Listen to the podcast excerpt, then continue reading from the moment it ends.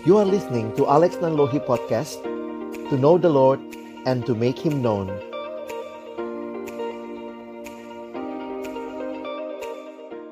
Mari kita berdoa sebelum kita membaca merenungkan firman Tuhan. Kami datang dalam ucapan syukur malam hari ini ya Tuhan. Terima kasih kesempatan ibadah di semester yang baru ini juga Tuhan terus berikan kepada kami dan kami bersama-sama rindu ya Tuhan juga memulai hal yang baru di dalam komitmen kami di hadapan Tuhan untuk hidup bagimu dan bukan hidup bagi diri kami. Bukan hidup bagi kesenangan kami. Bukan hidup bagi dosa tetapi hidup bagi Allah. Kami akan membuka firman-Mu ya Tuhan. Kami mohon bukalah juga hati kami, jadikanlah hati kami seperti tanah yang baik Supaya ketika benih firman Tuhan ditaburkan itu boleh sungguh-sungguh berakar, bertumbuh, dan juga berbuah nyata di dalam hidup kami. Berkati baik hambamu yang menyampaikan dan setiap kami yang mendengar, ya Tuhan tolonglah kami semua. Agar kami bukan hanya jadi pendengar-pendengar firman yang setia, tapi mampukan dengan kuasa pertolongan dari rohmu yang kudus, kami dimampukan menjadi pelaku-pelaku firman-Mu di dalam hidup kami, di dalam masa muda kami. Bersabdalah ya Tuhan, kami umatmu sedia mendengarnya. Di dalam satu nama yang kudus, nama yang berkuasa, nama Tuhan kami Yesus Kristus, kami menyerahkan pemberitaan firman-Mu. Amin. Shalom teman-teman, selamat malam. Bersyukur boleh kembali uh, ketemu ya dengan teman-teman melalui uh, ruang virtual ini. Dan kita sama-sama akan belajar firman Tuhan malam hari ini dengan tema uh, rest in peace ya, read my old life. Thank you yang sudah menyapa kembali ya. Uh, abang coba share screen. Jadi saya ada dua slide gitu ya. Uh, eh dua slide, dua akun. Jadi coba nanti cari akun saya yang satu lagi ya. Karena saya share screen dari akun yang satu lagi ya. Baik, jadi silakan semoga kelihatan ya.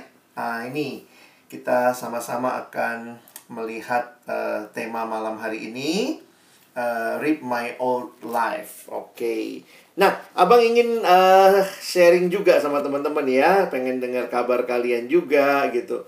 Tentu ya gimana caranya share gitu ya di tengah-tengah uh, begitu banyak orang seperti ini. Nah, kita coba ini aja ya. Malam hari ini saya ajak teman-teman coba share apa yang jadi uh, perasaanmu begitu ya. Apa yang jadi uh, hal yang saat ini kamu rasakan. Jadi silakan uh, saya sebentar ya belum kelihatan ternyata. Kita coba saya coba sebentar ya semoga ini bisa kelihatan.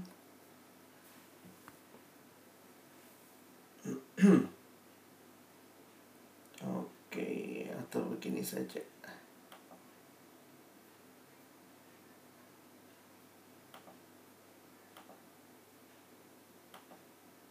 Nah. Nah semoga udah kelihatan ya.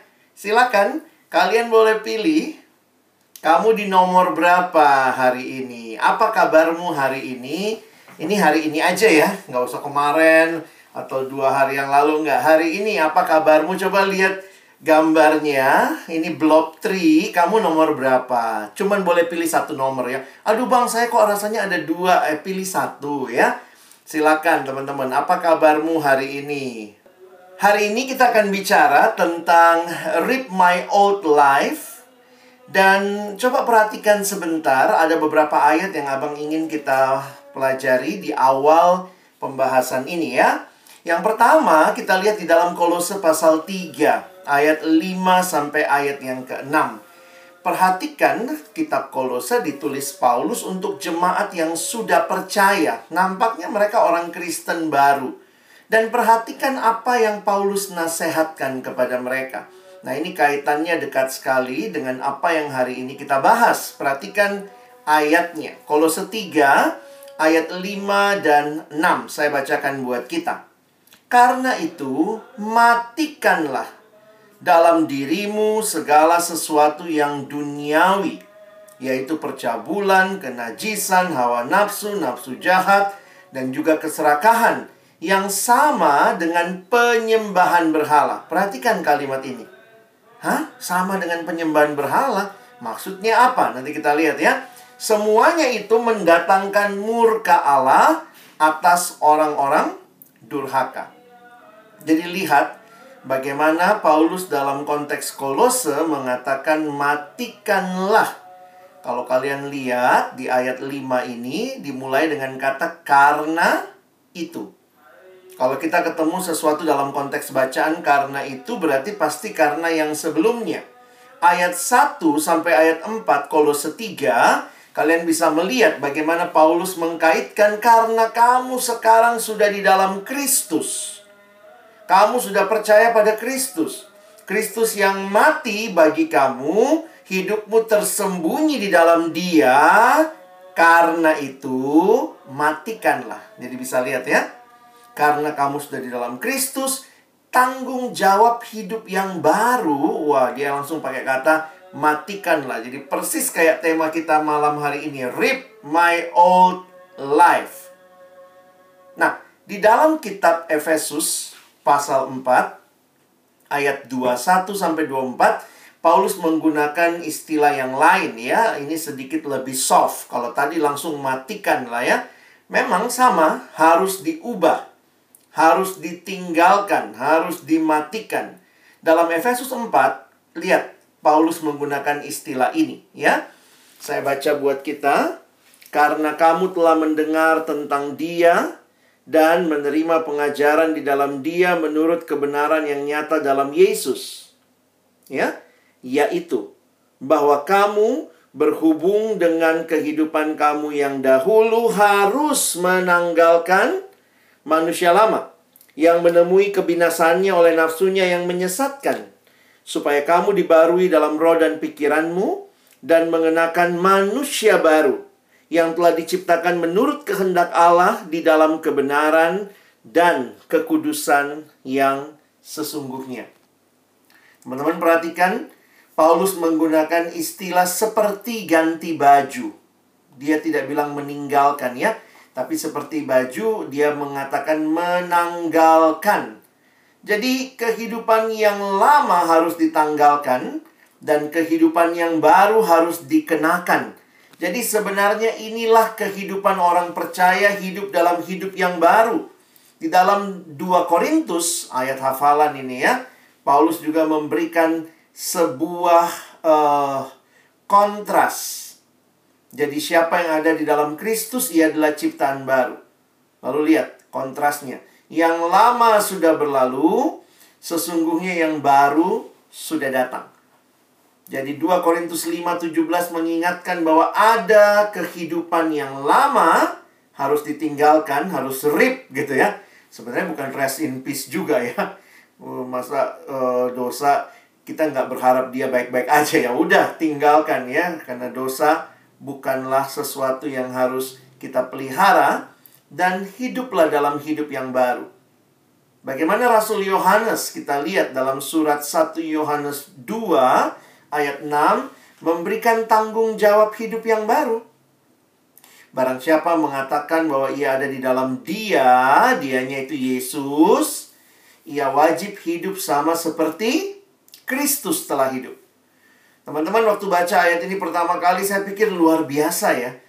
Kita langsung diberikan standar yang sesungguhnya. Perhatikan, kita tidak diminta kalau kamu sudah dalam Yesus, eh, hiduplah seperti pendetamu, hiduplah seperti mungkin guru agamamu, dosen agamamu, kakak rohanimu. Tidak. Bukan berarti teladan mereka tidak penting, tetapi yang namanya manusia tetap manusia. Mungkin gagal. Tetapi engkau dan saya yang sudah percaya pada Yesus, berada di dalam dia, maka standar hidup yang diberikan kepada kita adalah wajib hidup sama seperti Kristus telah hidup. Mungkin kamu bilang, Bang, tapi saya belum sempurna, Bang. Betul. Tidak ada satupun dari kita yang sempurna. Tetapi, kita diminta untuk hidup seperti Kristus hidup. Menunjukkan sebuah kehidupan yang berbeda, yang baru, dengan standar yang baru. Nah, jadi jelas ya, kalau malam hari ini kita bicara rip to my old self, nah, ini Alkitab sudah menyaksikan. Paulus gunakan kata matikanlah, Paulus gunakan kata kenakanlah, tanggalkan, kenakan. Paulus gunakan ciptaan baru, yang lama sudah berlalu, yang baru sudah datang. Dan Rasul Yohanes bahkan menegaskan hidup sekarang sama seperti Kristus telah hidup. Nah, jadi ini prinsip dasarnya. Kenapa kita berbicara dalam relasi dengan dosa, kita harus putus relasi, ya. Kita harus selesai. Tapi Bang, realitanya kok saya masih bisa berdosa? Nah, kita mau lihat sama-sama ini ya apa yang Alkitab katakan, bagaimana kita mengatasi dosa. Bagaimana kita berjuang di dalam se uh, sebuah kesadaran dosa yang menggerogoti kehidupan kita. Nah, Abang ingin mengajak kita belajar sama-sama malam hari ini melihat bagaimana realita dosa sebelum kita percaya. Dan bagaimana realita dosa sesudah kita percaya. Sebenarnya sederhana begini ya ketika engkau dan saya belum percaya pada Yesus, maka dosa itu menjadi hidup kita, manusia di dalam dosa. Sesudah kita percaya pada Yesus, maka ketika kita jatuh lagi di dalam dosa, jangan pikir orang yang sudah percaya pada Kristus nggak bisa berdosa lagi. Masih mungkin jatuh dalam dosa. Tetapi, dosa bukanlah sesuatu yang terus-menerus kita lakukan. Karena bagi kita yang sudah percaya, terus di dalam hati kita akan ada pergumulan. Tinggalkan dosa, tinggalkan dosa. Nggak benar hidup seperti itu. Nah, jadi suara hati kita yang diterangi roh kudus akan terus menuntun kita untuk hidup dalam kebenaran. Kalau kita tidak percaya Kristus, kita melakukan dosa, ya sudah, itu memang hakikat kita. Asik, dosa. Nggak ada perasaan bersalah. Tetapi sesudah engkau terima Yesus, maka ketika engkau jatuh lagi dalam dosa, engkau punya kesadaran, Tuhan, ini bukan hidup yang kau mau untuk aku. Karena itulah perjuangan seumur hidup buat kita untuk terus berjuang melawan dosa. Ya? Nah, jadi sekarang mari kita lihat dulu sebenarnya bagaimana sih eksistensi dosa itu. Saya pikir kita perlu kenal, ya, kita perlu kenal diri kita untuk memahami bagaimana dosa bekerja, ya, Abang ulangi. Kita perlu mengenal diri kita untuk kita mengatasi dosa. Karena kalau kamu tidak kenal dirimu, kamu tidak kenal tentang dosa, kamu juga jadi nggak paham bagaimana mengatasinya. Ya. Nah, kita mulai sekarang dengan mengajak saya mengajak kita lihat realita manusia dicipta. Ketika Allah menciptakan manusia pertama kali, ingatlah Allah menciptakan kita segambar dan serupa dengan Dia. God created man in his own image. Nah, apa yang menarik untuk kita perhatikan? Kalau Allah menciptakan kita, maka dia pemilik hidup kita. Tapi muncul pertanyaan begini. Pertama kali Allah ciptakan kita, Allah ciptakan teman-teman dan saya, Allah ciptakan kita untuk siapa? Nah, ini jadi pertanyaan ya, secara teologis. Kalau Allah ciptakan kita, maka dia ciptakan kita untuk siapa? Kita harus menyadari bahwa Allah sebenarnya menciptakan kita bagi dirinya sendiri. Contoh sajalah kamu bikin sebuah benda, maka benda itu sebelum mungkin dipakai oleh orang lain, sebenarnya pencipta itu menciptakan untuk dirinya sendiri. Realita ini sebenarnya karena waktu itu kan kalau kita perhatikan Allah menciptakan manusia. Allah tidak menciptakan manusia untuk alam ini semata-mata, Tapi Allah menciptakan manusia bagi dirinya karena dia Allah yang berelasi. Karena itu, kalau kalian perhatikan, manusia di dalam bagian ini kita disebut sebagai makhluk yang makhluk yang menyembah. Karena kita diciptakan oleh Allah untuk Allah, maka kita itu adalah makhluk yang menyembah. Manusia adalah homo adorans. To worship is human. Jadi kita itu paling klop ya ketika kita menyembah Allah. Karena itulah hidup kita. Manusia hanya menemukan kepuasannya di dalam penciptanya. Kebenaran ini dengan sangat indah dirangkum oleh doa yang disebutkan atau dituliskan dari Santo Agustinus. Teman-teman yang Katolik dekat sekali dengan Santo Agustinus ya, sering dikutip dan saya pikir ini Bapak gereja juga yang sangat luar biasa. Perhatikan kalimatnya. Santo Agustinus mengatakan, Tuhan, Engkau menanamkan dalam hati kami kesenangan untuk memujimu. Engkau menciptakan kami bagimu, dan hati kami gelisah sebelum beristirahat padamu. Perhatikan ya. Menarik tuh kalimatnya. Engkau ciptakan kami untukmu, bagimu, dan hati kami gelisah. Dalam bahasa Inggris, terjemahannya, and our soul are restless until they find rest in you. Hati kita tuh gelisah. Karena memang kita diciptakan oleh Allah untuk Allah, maka kita akan selalu cari Allah. Itu itu bayangannya, cari Allah yang mana? Apa yang harus saya sembah? Karena kita adalah manusia yang menyembah. Orang ini pintar sekali. Kadang-kadang kita pikir dia cuma punya rumus fisika, enggak ya? Blaise Pascal seorang Kristen yang sungguh-sungguh. Beberapa artikel tulisan dia itu tulisan Kristen sekali. Dia menuliskan hati manusia biar kecil, namun jika seisi dunia diisi ke dalamnya tetap tidak akan memuaskannya. Hanya sang pencipta yang bisa memuaskannya. Jadi kalau kita mengkaitkan kalimat ini dengan kehidupan kita, dengan kepuasan kita, perhatikan. Kepuasan sejati tidak akan pernah teman-teman dan saya dapat dari sekadar ciptaan.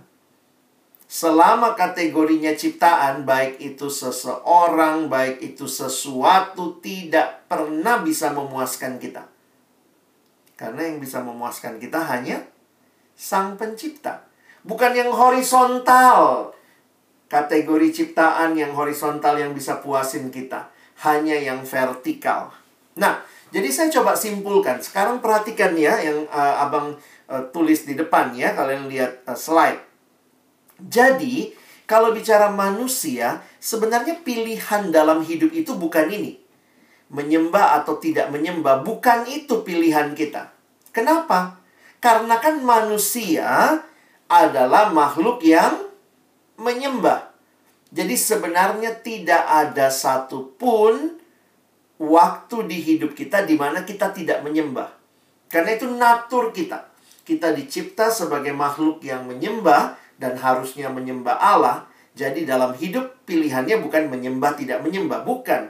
Pilihannya adalah kita sedang menyembah. Tapi ada dua kemungkinan. Kita sedang menyembah Allah yang benar berarti bagus, itu yang benar. Atau kita sedang menyembah Allah yang salah. Wah, ini waktu saya mengerti kebenaran ini, teman-teman tahu siapa yang mengungkapkan ini? Ini di dalam tulisan Opung Martin Luther. Teman-teman yang dari gereja tradisional harusnya kenal ya dengan Martin Luther.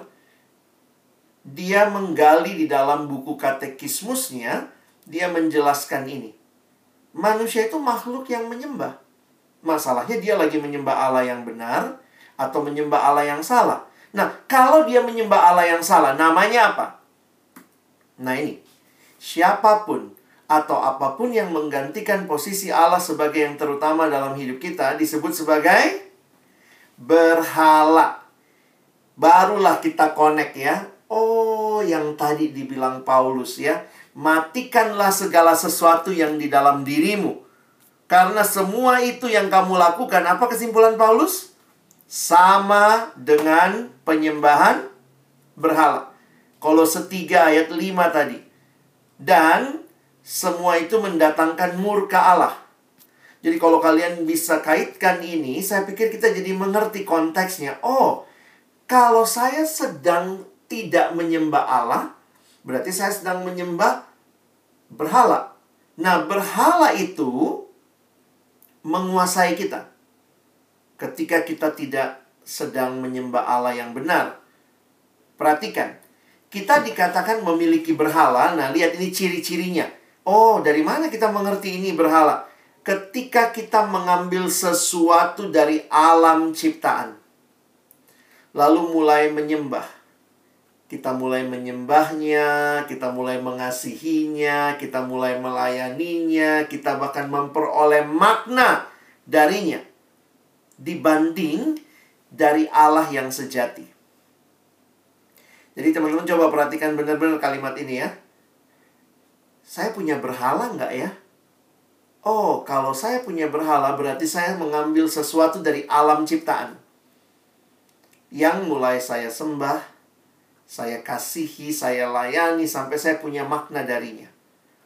Nah, ini yang mengerikan begini. Karena apa yang ada di alam ciptaan ini itu bisa jadi hal yang baik. Kalau begitu, kalau saya mengambil sesuatu yang baik itu, dari mana saya tahu ini sudah jadi berhala atau tidak? Kalimat yang penting adalah kalimat berikut ya. Kalau hal yang ya jadi gini maksud abang ya. Kalau itu hal yang jelas-jelas salah misalnya ya. Udah pornografi ya udah itu salah gitu ya. Tetapi ada hal yang dari ciptaan yang baik tapi ternyata mungkin jadi berhala. Nah, ini lihat kalimatnya ya. Berhala bisa berarti mengubah sesuatu yang baik menjadi yang terutama. Perhatikan kalimatnya. Hal yang baik begitu jadi terutama itu jadi berhala.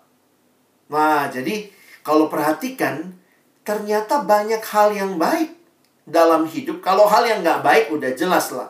Itu berhala gitu ya, udah salah. Tetapi ada hal yang baik ketika kita jadikan utama ternyata itu menggeser posisi Allah. Realitanya begini dari kalimat ini, kalian harus pahami. Biarlah hal yang baik tetap jadi hal yang baik. Jangan sampai jadi hal yang utama. Karena begitu itu jadi hal yang utama, kamu sudah salah menempatkan hal yang baik, yang tadinya hal baik, begitu dijadikan utama langsung jadi berhala. Contohnya dari mana, Bang? Nah, Opung Martin Luther bilang, "Lihatlah sepuluh perintah Allah." Jadi, Martin Luther sebenarnya menjelaskan ini waktu dia menjelaskan sepuluh perintah Allah. Lihat kalimatnya Opung ya. Dia bilang begini. Mengapa sepuluh perintah Allah diawali dengan larangan menyembah berhala? Wah, ini kalimatnya dalam sekali ya. Luther menjawab, "Karena kita tidak pernah melanggar perintah-perintah yang lain tanpa melanggar yang pertama." Nanti saya jelaskan ya. Makanya Luther bilang, apa perintah pertama? Dimulai dengan jangan ada padamu Allah lain. Tuhan itu sudah tahu banget ini. Kamu manusia karena aku ciptakan kamu untuk menyembah. Tapi begitu kau tidak sembah aku, jangan pikir kau nggak menyembah. Kalau kau tidak sedang sembah aku, kata Tuhan, kamu sedang sembah yang lain. Nah, karena itulah Tuhan kasih perintahnya. Apa mulainya? Jangan ada padamu Allah lain. Karena tidak ada satupun kesempatan di hidup kita di mana kita tidak kita sedang tidak menyembah. Saya paham ya? Nah, caranya Martin Luther menjelaskan. Dia bilang begini. Kalau kamu melanggar perintah, misalnya ada perintah, jangan mencuri. Martin Luther bilang, ingat, itu bukan cuma masalah mencuri. Itu masalah berhala. Kenapa? Karena kamu sedang menjadikan orang yang mencuri berhalanya apa? Apa yang jadi Tuhan buat dia? Bisa jadi har harta. Ketika harta yang baik menjadi utama, menjadi segalanya, menjadi berhala, maka kamu sedang melanggar dua perintah. Kamu nggak pernah cuma melanggar satu perintah, kata opung kita ini ya. Martin Luther bilang, pasti kamu langgar dua. Saya mencuri. Ingat, waktu kau mencuri, siapa Allahmu? Kau pasti melanggar perintah yang pertama. Itu yang kira-kira digali oleh Martin Luther dan bagi saya, wow, luar biasa ya. Iya, dia bisa melihat dosa bukan masalah perbuatan, bukan sekadar perbuatan. Tetapi dosa adalah masalah penyembahan. Apa yang sedang kita sembah? Berarti apa yang jadi berhala hati kita? Kalau hati ini selalu menyembah, maka pasti selalu bikin berhala. Karena itu penerus reformasi, opung yang satu lagi namanya Johannes Calvin. Calvin memberikan gambaran, the human heart is a factory of idols hati manusia itu adalah pabriknya berhala. Karena kan kita ini selalu menyembah. Maka kalau kita lagi tidak mau menyembah Allah yang benar, kita menolak Allah yang benar sejak di Taman Eden manusia menolak Allah yang benar, maka dia sedang menciptakan berhala baru. Yaitu apa? Dirinya sendiri, bisa jadi uang, apa pun bisa jadi berhala. Hal yang baik bisa jadi berhala. Makanya kata Calvin, hati manusia itu pabrik berhala. Penyembahan berhala ada di mana-mana. Dan ini memiliki kuasa dan tindakan kuasa atas tindakan-tindakan kita. Karena memiliki kuasa atas hati kita. Wah, ini pengajaran dalam sekali ya. Kenapa saya harus jelaskan ini? Karena jangan sampai kita pikir dosa itu cuma masalah perbuatan. Aku nyontek, aku bohong tadi. Opung Martin Luther mau bilang begini. Kalau kau nyontek, cari lebih dalam. Apa berhalamu? Karena kau tidak mungkin hanya melanggar satu perintah. Oh, orang nyontek itu kan sama dengan mencuri ya. Tapi, kenapa kamu mencuri? Apa yang jadi berhala utamamu? Oh, kamu mau nilai tinggi tanpa usaha. Oh, kamu mau nilai bagus. Kenapa? Karena mungkin dengan nilai yang bagus, kamu dapat harga diri. Wih, pinter ya. Wih, hebat ya. Wah, asik ya. Dia anaknya bagus studinya. Jangan-jangan berhalamu adalah harga dirimu. Harga diri baik. Tapi kalau kau jadikan utama, dan demi harga diri yang kau utamakan itu kau rela menyontek, maka harga diri yang baik telah jadi hal yang utama. Jadi lihat teman-teman ya.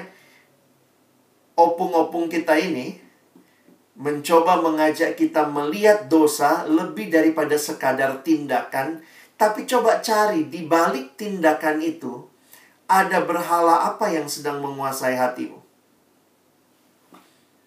Nah, ini jangan lupa ini sikap sama berhala tadi ya. Sikap sama berhala kita mengasihi. Nah, ini Abang kasih gambar ya. Kalau berhalamu uang, tanpa sadar itu kau mengasihinya, menyembahnya, melayaninya, dan bahkan memperoleh makna darinya. Kalau uang jadi berhalamu, maka harga dirimu tergantung berapa banyak uang. Kamu mulai mengasihi uang begitu rupa. Dan ini yang dikatakan oleh pengkhotbah. Pengkhotbah pasal yang kelima Ayat yang sembilan mengatakan, siapa mencintai uang tidak akan puas dengan uang. Dan siapa mencintai kekayaan tidak akan puas dengan penghasilannya. Ini pun sia-sia. Apa yang mau disampaikan? Bahwa sering kali kita berpikir uang itu netral kan, uang itu baik ya. Ya nggak salah dong. Makanya dulu ada yang bilang sama abang ya, anak remaja tuh, saya ingat Bang, bang, saya udah ngerti sekarang apa kata Alkitab. Saya bilang, apa? Iya, akar segala kejahatan adalah uang. Memang uang itu ya, bang. Akar segala kejahatan. Saya bilang, dek, kalau baca Alkitab, baca baik-baik. Alkitab bukan mengatakan akar segala kejahatan adalah uang. Bukan. Akar segala kejahatan adalah cinta uang. Ketika uang hal yang baik, kau cintai begitu rupa kau jadikan yang utama. Maka begitu yang baik jadi utama itu jadi ber jadi berhala. Jadi makanya lihat kalimat pengkhotbah ini. Siapa mencintai uang tidak akan puas dengan uang. Teman-teman, begitu kita punya berhala, kita selalu berpikir tanpa sadar, berhala itulah yang akan menjamin hidup kita. Tetapi lihat kalimat Alkitab. Ketika engkau mencintai yang bukan Allah, kau pikir puas, nggak akan puas. Percaya deh. Sama seperti orang lagi haus. Wah, lagi haus. Aduh, haus banget ini. Eh, ada air laut. Dia minum air laut. Tambah minum, tambah haus. Banyak yang berpikir, saya bisa puaskan diri saya dengan apa yang dia pikir bisa memuaskan. Dia cari, dia kejar, tambah dicari, tambah dikejar, tambah tidak puas. Karena itu kenali berhala berhala berhala hatimu. Kenali berhala hatimu. Abang taruh di sini ya. Ada hal yang memang nggak bagus. Pornografi ya udahlah itu udah pasti jelek ya. Tetapi ada hal-hal yang baik loh yang bisa jadi berhala. Studi bisa jadi berhala nggak? Oh bisa. Kalau harga dirimu kau taruh pada studi, hidupmu cuma studi gitu ya. Kau sampai rela lakukan apa pun supaya studimu diakui, dipuji, bahkan hal-hal yang gak benar kau lakukan, waduh, itu kamu sudah memberhalakan studi. Studi yang baik dijadikan utama, jadi berhala. Makanya ada anak yang memberhalakan studi, ciri-cirinya apa? Begitu nilainya turun, yang terjadi adalah putus asa, ada yang bahkan mau bunuh diri. Karena harga dirinya dia taruh pada studi. Oh kalau gitu menurut abang nggak apa-apa, studi jelek-jelek aja. Nggak begitu juga. Orang yang tahu menempatkan studi sebagai hal yang baik, ketika nilainya turun, dia evaluasi dirinya dan akan bangkit lagi. Tapi harga dirinya tidak dia letakkan pada studi. Bukan. Kamu berharga nggak berharga bukan karena studimu. Kamu berharga karena Allah mengasihimu. Jadi jangan menyembah studi. Karena studi tidak bisa memberikan apa-apa untukmu. Ada orang yang taruh harga dirinya pada medsos. Kadang-kadang tanpa sadar ini bisa jadi berhala ya. Medsos, uh, game gitu ya. Ini hal-hal yang gampang sekali jadi berhala. Ini hal yang baik kan? Tetapi ketika kita misalnya posting sesuatu, Lalu kemudian kita merasa harga diri kita tergantung berapa yang nge-like, berapa yang view. Loh, kenapa langsung begitu cara pikirnya? Karena kita sedang menaruh harga diri kita pada hal-hal yang baik yang kita jadikan utama. Nah, abang kasih contoh aja lah ya. Jadi lihat, dosa itu di baliknya ada penyembahan berhala. Sehingga muncul di permukaan tindakan tetapi di dasarnya warisannya Opung Luther ini dia bilang carilah apa berhalamu. Jadi bukan cuma apa saja dosaku ya, apa ya godaan yang aku alami. Karena menurut Opung Martin Luther, kalimatnya dia sederhana begini.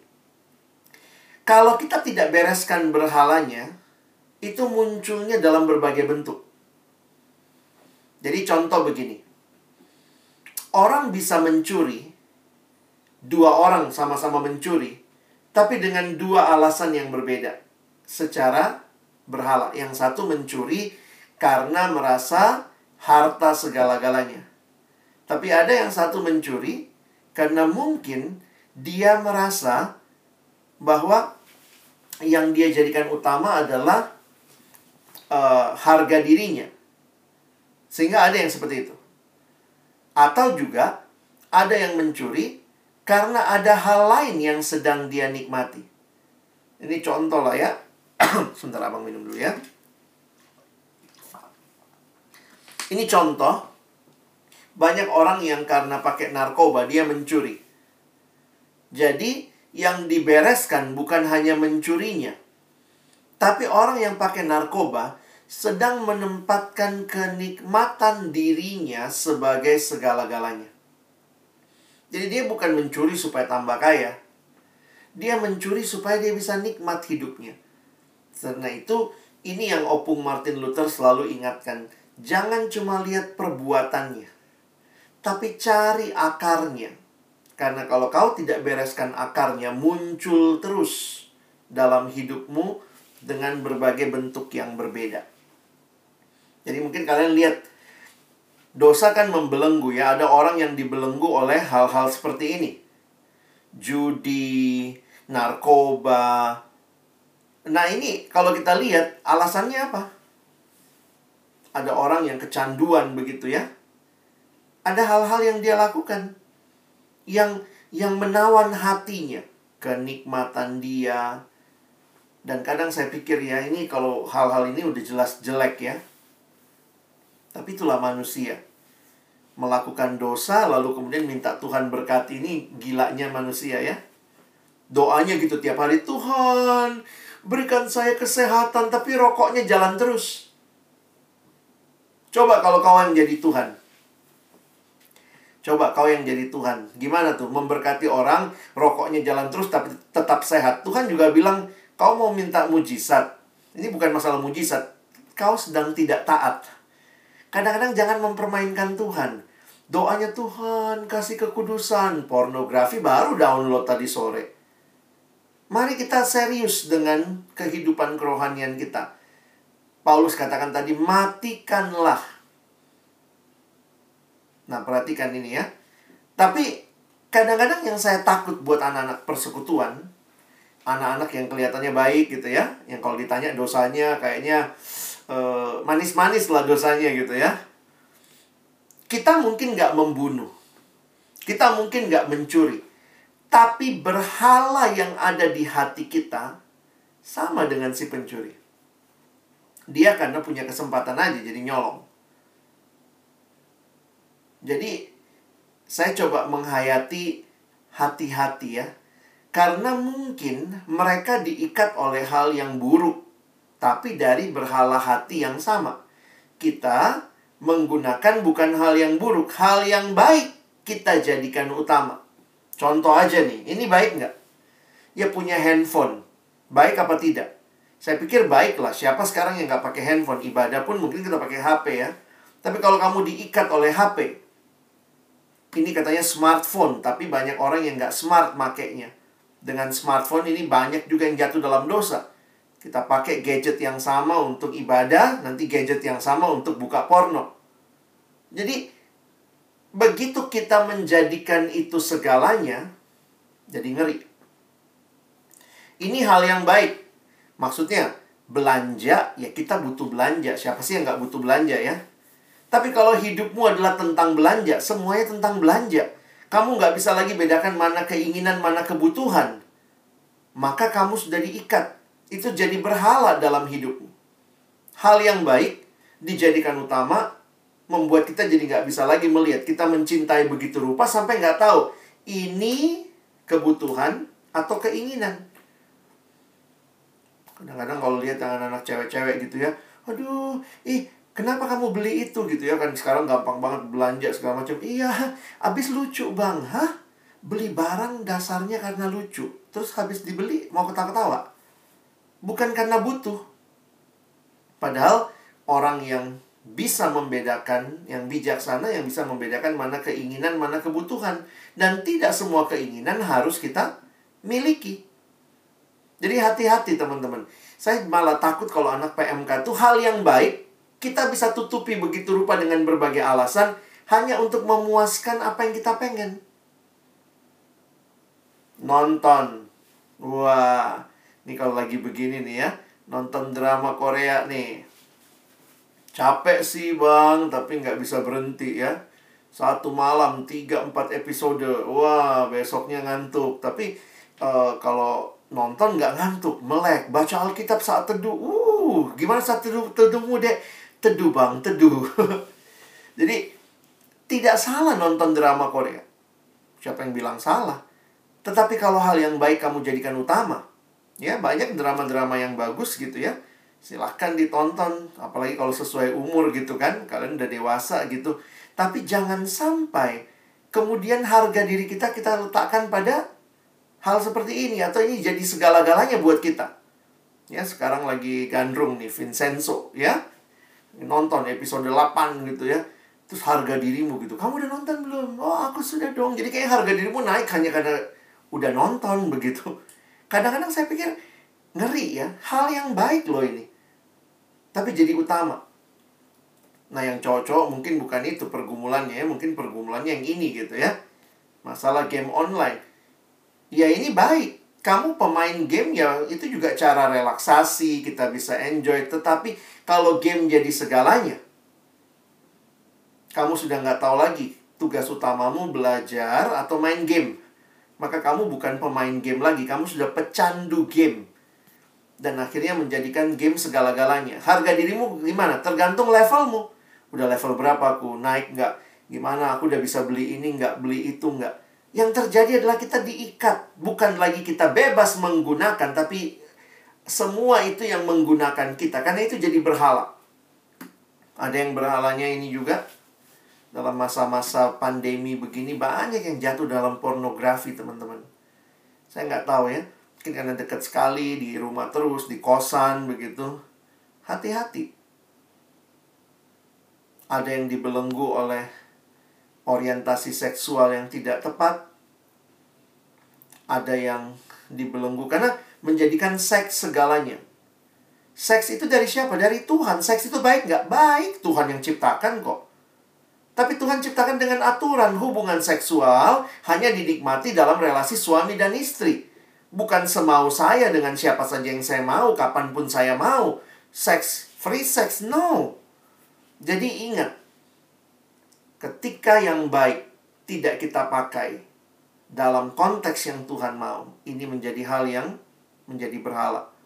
Karena itu menarik sekali definisi dosa waktu saya baca tulisan dari John Piper, kadang-kadang kalau ditanya, apa itu dosa? Dosa adalah melanggar perintah Tuhan. Benar, tapi di Alkitab itu ternyata banyak sekali spektrum mengerti dosa. Salah satunya yang kita baru bahas ini.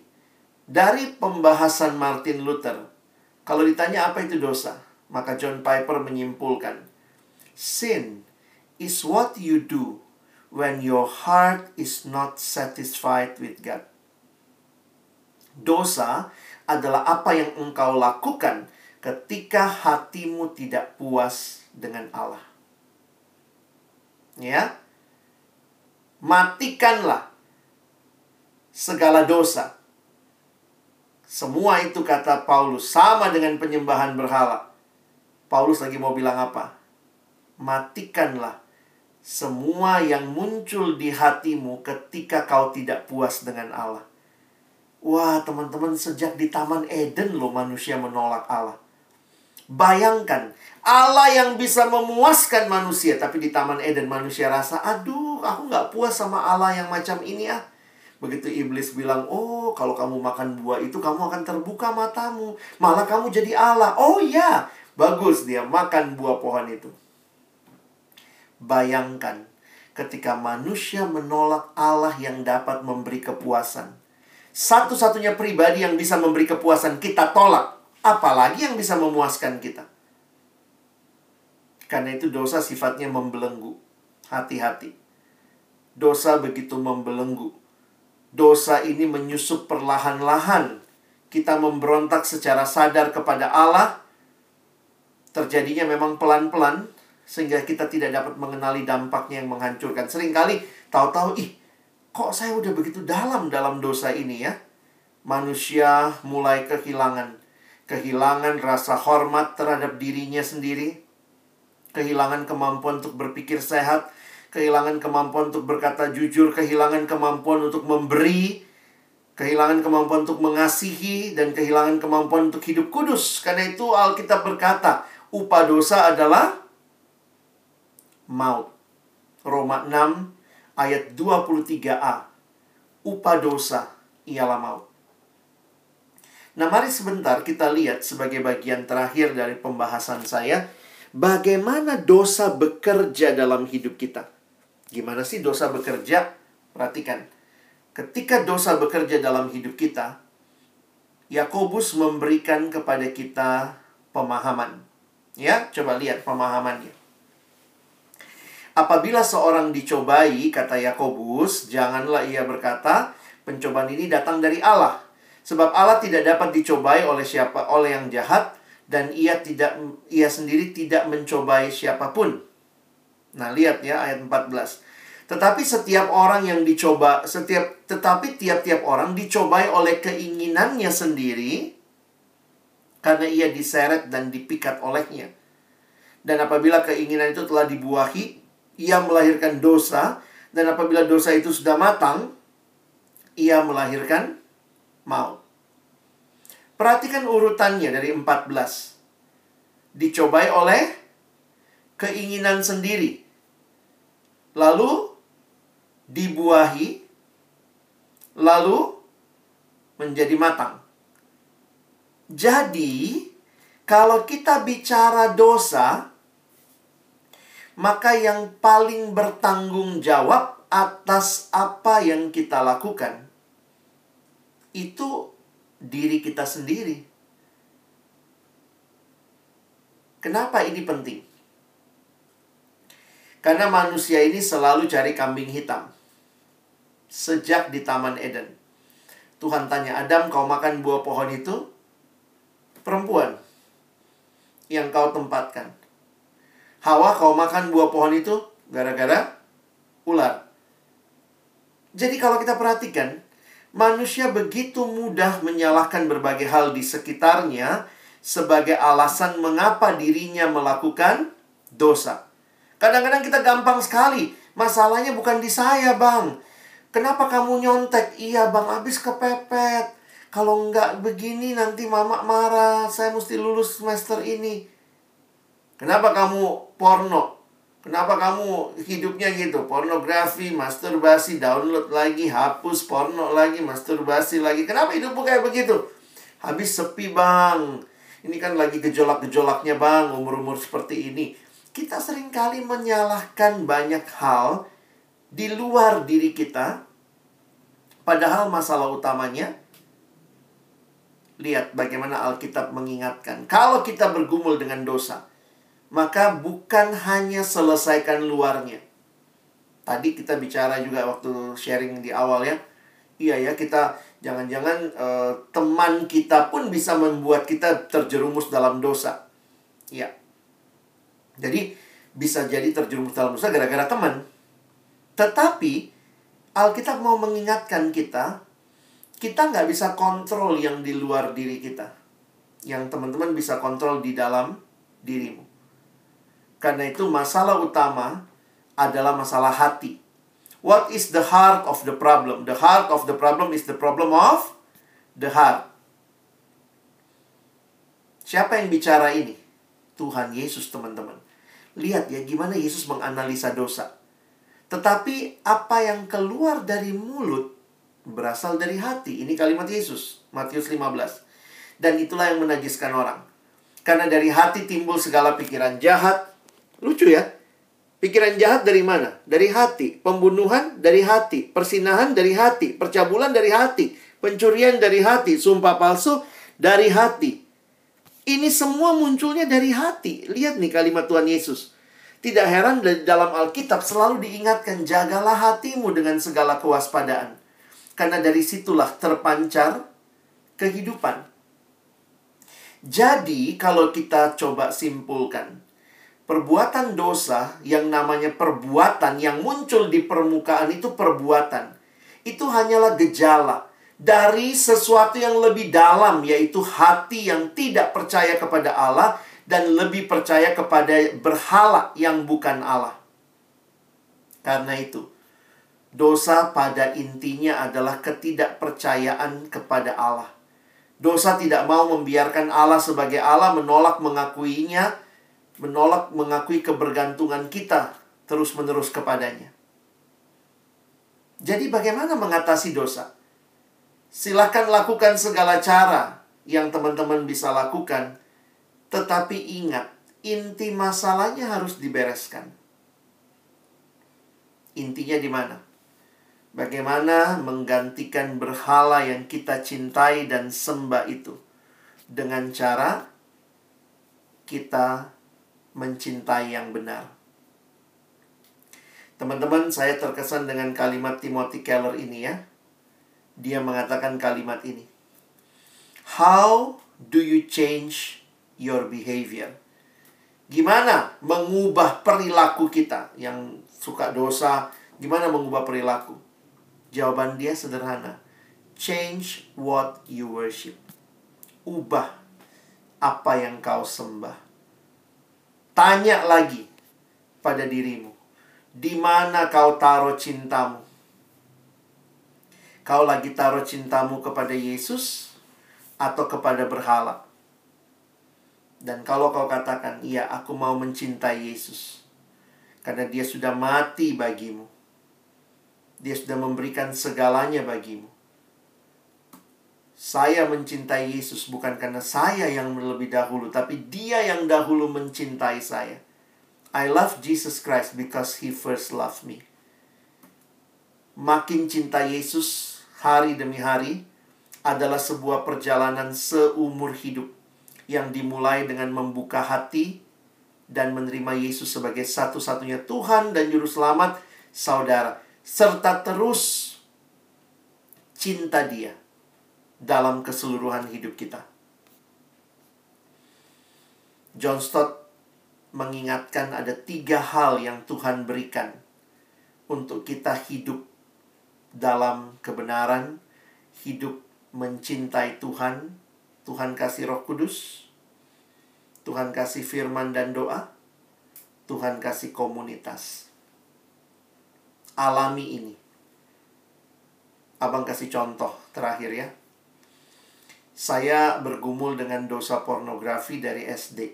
Saya kenal pornografi kira-kira kelas 5, 6 SD. Dan itu begitu membelenggu. Dalam pergumulan saya bisa tampil begitu rupa baik di luar. Orang lihatnya anak yang baik, prestasi studi baik, tapi di dalamnya sejak SD saya menikmati pornografi dan dengan kehidupan yang terkungkung seperti itu. Ketika saya mulai kenal Tuhan, SMA kelas 1, saya terima Yesus. Waktu itu saya belum mengerti konsep ini ya, tapi saya jadi sadar gitu. Saya begitu gampang jatuh ketika saya tidak punya persekutuan yang erat dengan Tuhan. Ketika saya justru membangun cinta saya, saya tambah pornografinya, waktu itu kan belum ada download-download ya saya pinjam majalah porno teman, tukeran film porno. Kalau saya terus-menerus menikmati itu, yang saya bangun adalah cinta kepada pornografi, kepada seksual, saya rasanya puas, tapi ternyata tidak pernah sungguh-sungguh puas. Karena itu, ketika pertama saya SMA kelas 1, saya di Rockris, saya ketemu Tuhan dalam sebuah retret saya ikut kelompok kecil Tuhan pakai ya komunitas saya mulai kenal saat teduh saya baca firman ketika saya memberi waktu untuk menikmati firman datang kepada ibadah ada komunitas yang menjaga itu dipakai Tuhan membangun cinta saya kepadanya teman-teman menjauhi dosa adalah bangun cintamu sama Tuhan. Gimana mau mencintai Tuhan? Kalau kamu juga pada saat yang sama sedang menikmati dan terus mencintai dosa. Jadi akhirnya saya sadar betul teman-teman ya. Bahwa ternyata ini cara yang Tuhan berikan. Hatimu sedang ada ke mana? Dan waktu hati kita sedang mencintai Tuhan, bangun cinta itu. Baca firmannya Makin kau cinta Tuhan, kau baca firmannya, kau makin tahu apa yang Tuhan mau.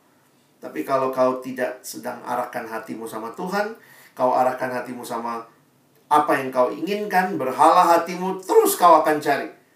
Tambah lagi koleksi porno, tambah lagi koleksi porno. Yang saya bangun bukan cinta kepada Tuhan, tapi cinta kepada porno. Tapi ketika saya bangun cinta kepada Tuhan, maka setiap kali saya menikmati dosa itu lagi, kayak Tuhan bilang, Alex, kau menyakiti hatiku. I love you so much. Dan di situlah saya sadar. Pornografi tidak pernah mati buat saya. Dia tidak layak dapat cinta saya. Tetapi Yesus satu-satunya pribadi yang bahkan mati bagiku. Dia layak mendapat seluruh cintaku. Mungkin rasanya sulit jadi anak Tuhan. Tapi waktu saya menempatkan cinta saya kepada pribadi yang benar-benar mati bagiku, sekarang saya mau hidup baginya. Dan kalau saya menjadikan porno segalanya, pornografi tidak pernah mati bagi saya. Pornografi mematikan saya, membuat saya tidak bisa menikmati pelayanan dalam kemunafikan, kehidupan tanpa kekudusan. Dan saya bersyukur firman Tuhan, Roh Kudus, komunitas Tuhan pakai membangun cinta saya kepada Tuhan. Hari ini saya mau menantang kalian. Bukan cuma apa yang sedang kamu lakukan, tapi saya tanya lebih dalam. Seperti opung Martin Luther boleh bertanya, di mana kau taruh cintamu? Kepada pribadi yang mati bagimu atau kepada ciptaan. Sebaik apa pun ciptaan, dia tetap ciptaan. Tidak ada yang pernah mati bagimu. Kiranya Tuhan menolong kita. Menjawabnya di dalam hidup kita. Amin. Mari kita berdoa. Tuhan terima kasih buat firman-Mu, terima kasih buat setiap hati yang terbuka di hadapan-Mu, sehingga kami bisa mengerti bagaimana relasi kami dengan dosa. Dan bahkan sesudah kami percaya pergumulan belum selesai, tetapi setiap hari kami menghadapi pergumulan di mana kami letakkan cinta kami kepada hal-hal yang ciptaan, hal-hal yang sementara, atau kepada Engkau, Tuhan satu-satunya yang sanggup memuaskan kami. Ampuni kami yang di dalam dosa tidak percaya kepada Tuhan kami rasa kepuasan kami kalau kami masturbasi, kami pornografi. Kami tidak percaya bahwa kepuasan kami kalau kami ikut firman Sehingga banyak dari kami yang mungkin terus-menerus menikmati dosa-dosa ketidakpercayaan kami. Tapi hari ini arahkan hati kami kepadamu Tuhan, supaya kami bisa benar-benar belajar mencintaimu seumur hidup kami. Kami bersyukur untuk firman-Mu. Tolong kami bukan cuma jadi pendengar, tapi jadi pelaku firman dalam nama Yesus. Kami berdoa. Amin.